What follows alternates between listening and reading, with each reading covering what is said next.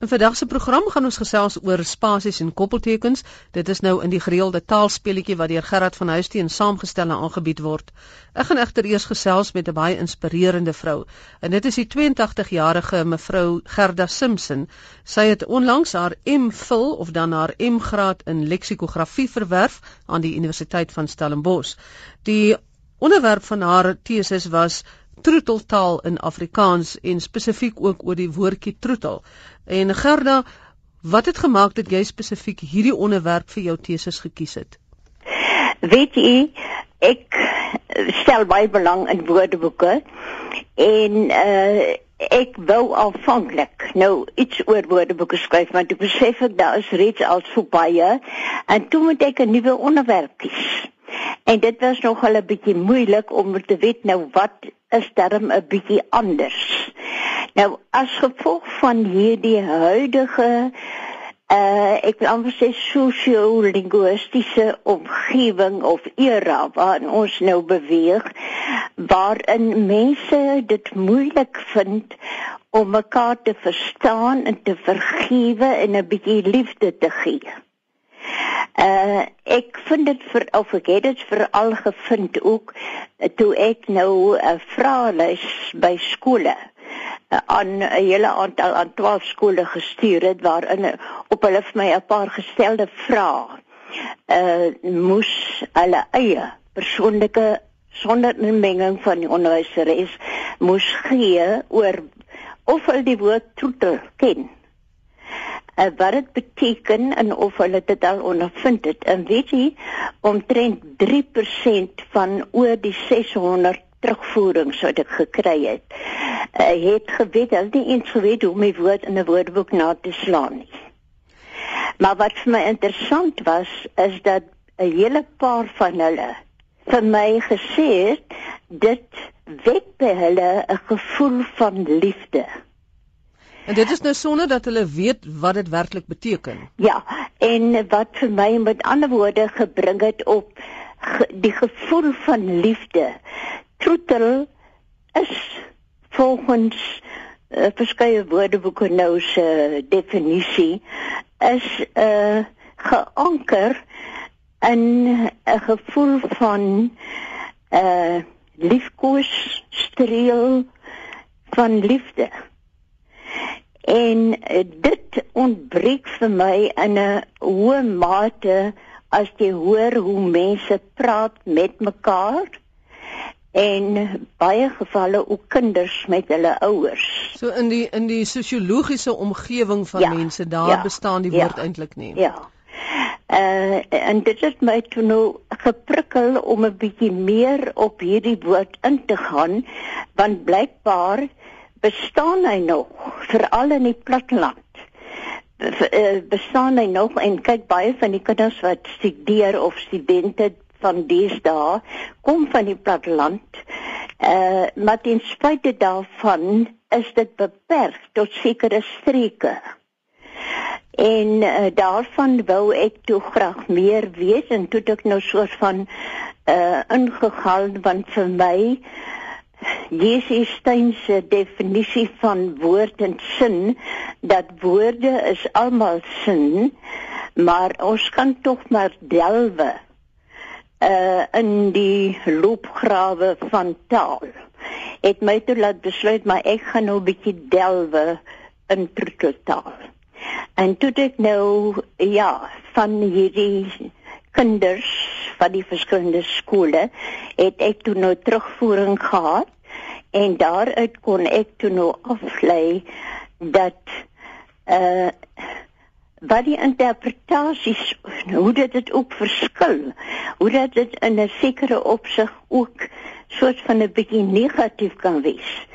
Maar die klem val op die liefkosende aspek daarvan nou wat was toe die uiteinde dan van hierdie tese tot watter slotsom het jy geraak ek het tot die slotsom geraak dat dit moet meer aandag in woordeboeke kry. Daar moet in woordeboeke meer as net die hartie en liefie wat nou in die kyk in die woordeboeke ek voel ook daar moet nou 'n samewerking tussen ling tussen die linguiste en die leksikograwe wees.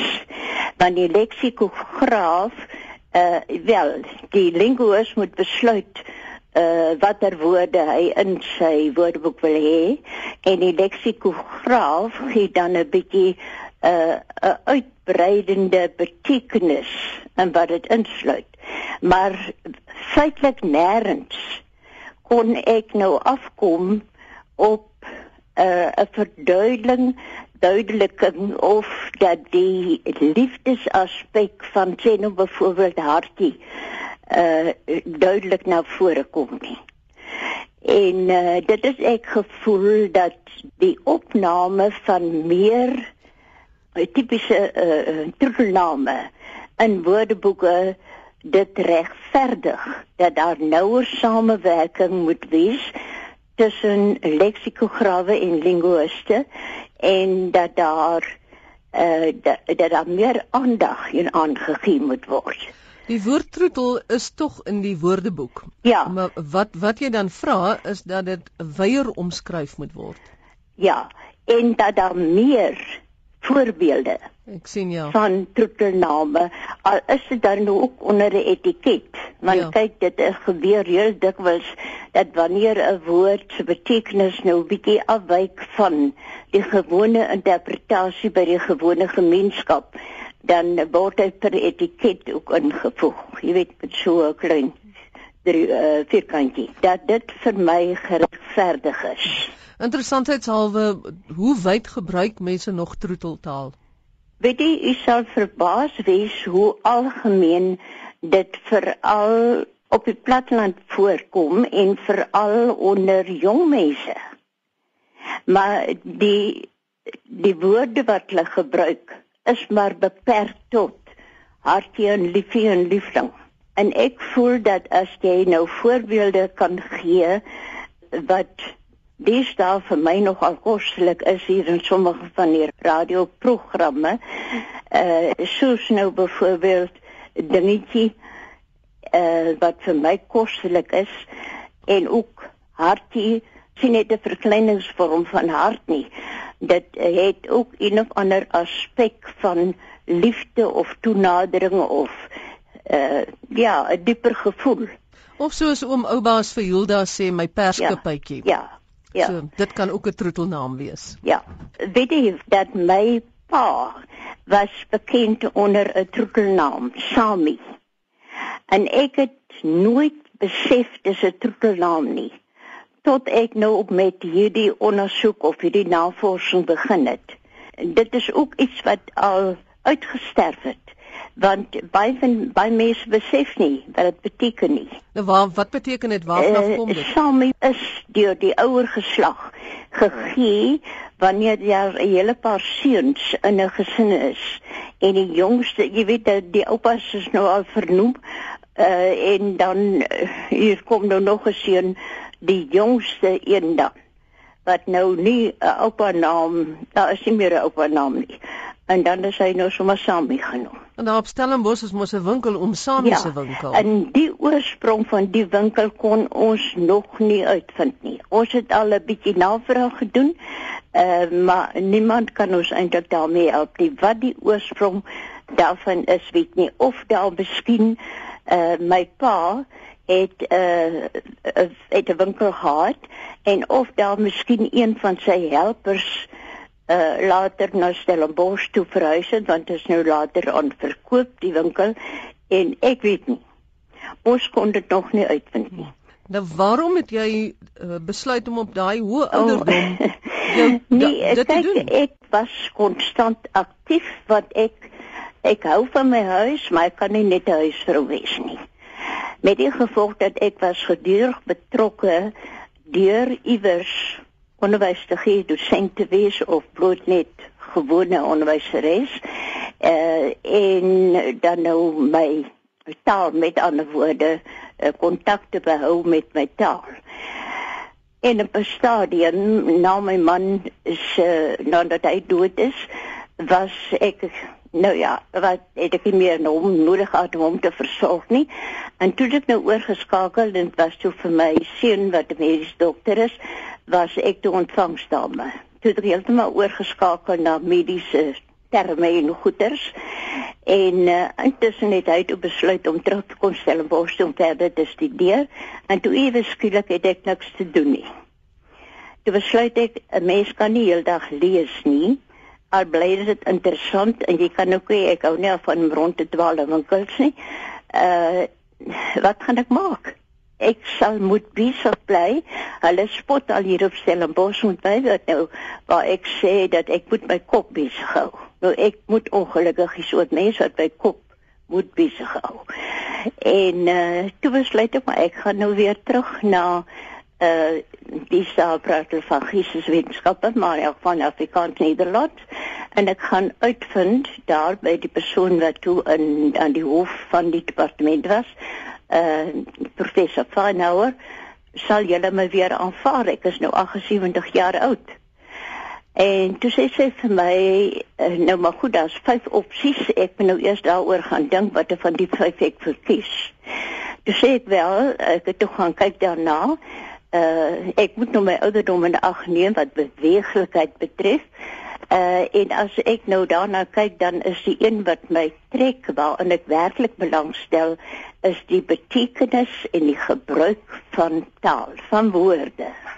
Met ander woorde woorde. Hmm. Dus ek sê maar die persoon wat nou daarmee gemoeid is, is op die oomblik oor sê hy is eintlik 'n navorser. Uh en sy weet nou nie of hy nou daarin belangstel om nou so oud dan hier as student saam met al sy ander pligte te aanvaar nie. Maar hy kom toe terug, uh, ek weet dit was Julie 17 Julie. En dan sê hy hom hoor of hy bereid is om na my te luister. En dit was toe nou professor Rufus Gous en hy kom toe terug en hy sê toe ja, hy is bereid. En ons het toe wonderlik saamgewerk ten spyte van die feit dat ek vir hom gesê het, jy moet my nou maar sien as 'n kleuterskoolkind. Want ek het nog nooit van leksikografie gehoor nie. In my dae toe ons nou ek nou taal bestudeer het, het die woord nie bestaan nie. Toe ek vir hom gesê eers 'n lys boeke want ek sal moet baie leeswerk doen voor ek nou kan dink aan 'n thesis en ook aan 'n regte naam. Goed, eersins moes ons toe nou soek vir 'n naam. Ons het nou ook verskillende name oorweeg. Tot ons toe by ouend besluit het maar uh dit lyk vir my dat troetel is 'n ou woord wat die uh, bejaarde groep mense in ons land ken. Uh, uh daar is geen probleem met die woord troetel want weet jy troetel taal hartie, liefie, bokkie, wat ook al, is eintlik die eerste vorm van taal waarmee 'n baba kennis maak. As die baba gebore is, wat sê die ma eerste? My liefie, my hartie, my wat ook al. En uh, in elk geval en so het ons toe nog beïn besluit maar die kom ons nou dan nou eintlik 'n 'n nuwe beskouing van die woord troeter mag interessant is en dit was werklik interessant. Dit hou my nou nog besig. Ek skryf nog gedurig as ek nou terugkyk na dit wat ek uh, geskryf het vir my teses, dan voeg ek nog dan herskryf ek sekere dele en ek voeg nog gedurig goed by. So die doktorsgraad kan dalk ook nog volg. Uh ek moet mos nou die ouderdom ook maar 'n gedagte hou want uh, ek ja, jy weet daar is ons nou maar altyd ties voete op 'n mens se pad, maar die feit bly staan ek moet my kop besig hou. En uh, daarom gaan ek aanhou tot ek nie meer kan nie. Mevrou Gerda Simpson, baie geluk weer eens en ek dink dit is vir ons 'n inspirasie om te wys dat ons nooit te oud is om verder veral in ons eie moedertaal te ja. studeer ja. nie, wat jou ja. moedertaal ook al mag wees nie en ons hoop dat dit ook 'n aansporing sal wees vir jonger mense om verder te studeer in die taal. Wie die, die wonderlikste vir my is in terugvoering wat ek nou uit die publiek nog konstant kry, is die woord inspirasie. En dit was een van my en ek dink sy ook hoofdoelwitte om by die jong mense te laat besef 'n mens raak nie te oud om nog nuwe gedagtes te hê en soort van dit oor te dra en mense te stimuleer daarmee nie. Dit dan Gerda Simpson en nou gaan ons oor na Gerard van Huisteen en sy gas wat oor spasies en koppeltekens gesels.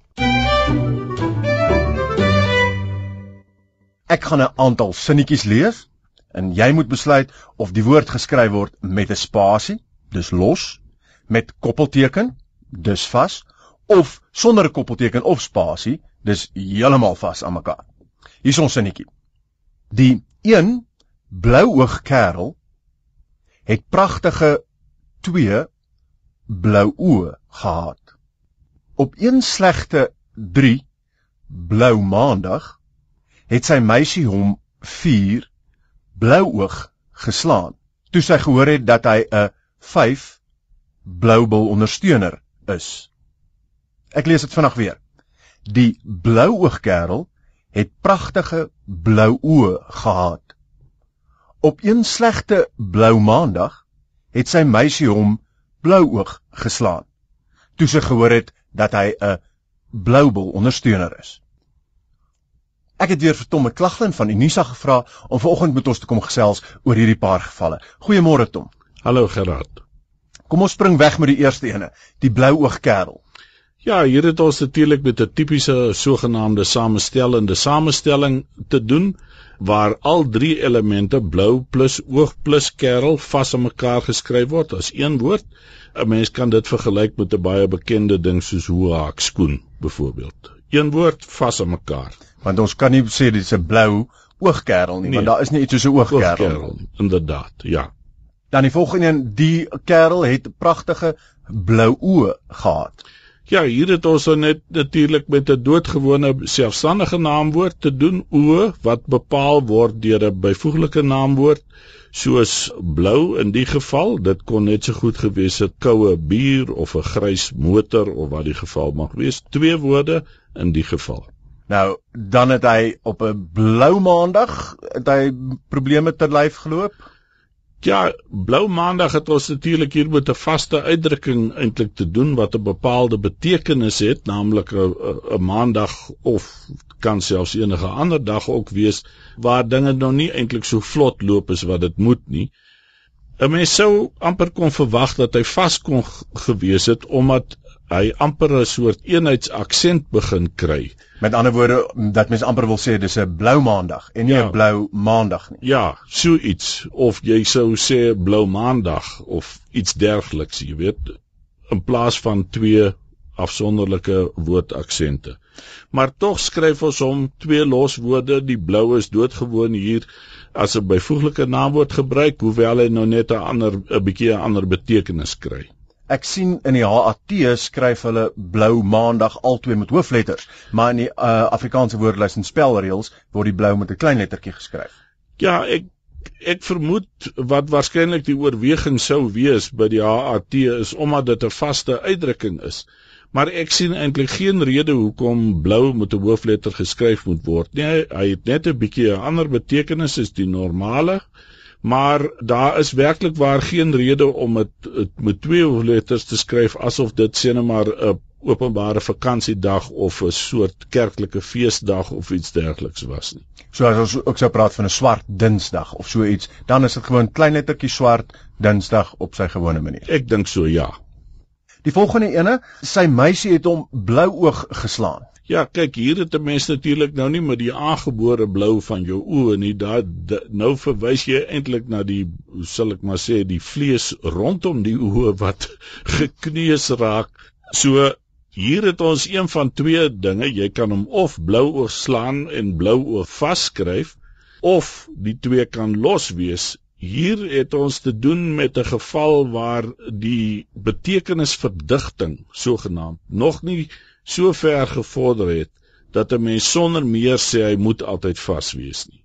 Betekenisverdigting beteken maar net dat twee elemente langs mekaar 'n bepaalde betekenis ontwikkel en ons dit onderskei deur die skryfwyse. Mense sal byvoorbeeld praat uh, in die ou tyd toe jy nog uh, met films gewerk het in 'n kamera, 'n donker kamer waar jy die film ontwikkel, word een woord geskryf. Maar as daar net gewoon nie baie lig in 'n kamer is nie, dan is dit 'n donker kamer twee woorde. En dit is daai proses wat hier eintlik nog net halfpad is. En omdat 'n blou oog as iemand jou blou oog geslaan het, jou oog tog nog 'n blouerige kleur het en so aan. Ja, En die proses dis nog nie heeltemal uh uitgeloop het nie. presies. Die laaste ene, 'n bloubil ondersteuner, wat dit ook al mag wees. Gerard, jy soek vir moeilikheid. Dit is nogal 'n interessante een omdat jy eintlik hier met 'n eie naam te doen het, Blou Bil, maar die rugby unie lyk dit vir my word die meeste Blou Bulle genoem. Die Blou Bulle rugby unie. Maar dit sou bitter vreemd wees om hier te sê 'n Blou Bulle ondersteuner. So 'n mens moet nou blou en bil hier as die eie naam sien, uh die naam van 'n speler uit daardie bepaalde rugby unie. En daarom het 'n mens twee skryfwyse hier. Blou bil bly twee loswoorde met twee hoofletters en nou kan 'n mens of 'n koppelteken insit tussen bil en ondersteuner of jy kan bil ondersteuner een woord skryf. Tom op uh, daardie blou noot is dit dan vir ons tyd om te groet. Baie dankie dat jy vandag hierso was. My plesier, dankie Gerard. As jy enige vrae het, skryf gerus vir my by taalvraag@rsg.co.za. Ek is Gerard van Huisteen en groet tot 'n volgende keer. Totsiens.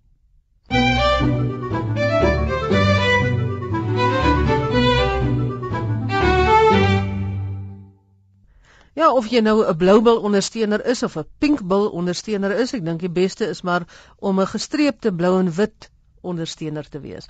Bly altyd lekker om na hierdie taalspeletjie te luister. Dankie Gerard en ons sien uit na die volgende speletjie. Luister gerus volgende Sondag net na die 11uur nuus weer na die tale wat ons praat. Ek en Willem Botha en Frikkie Lombard gaan 'n bietjie taalnavrae beantwoord.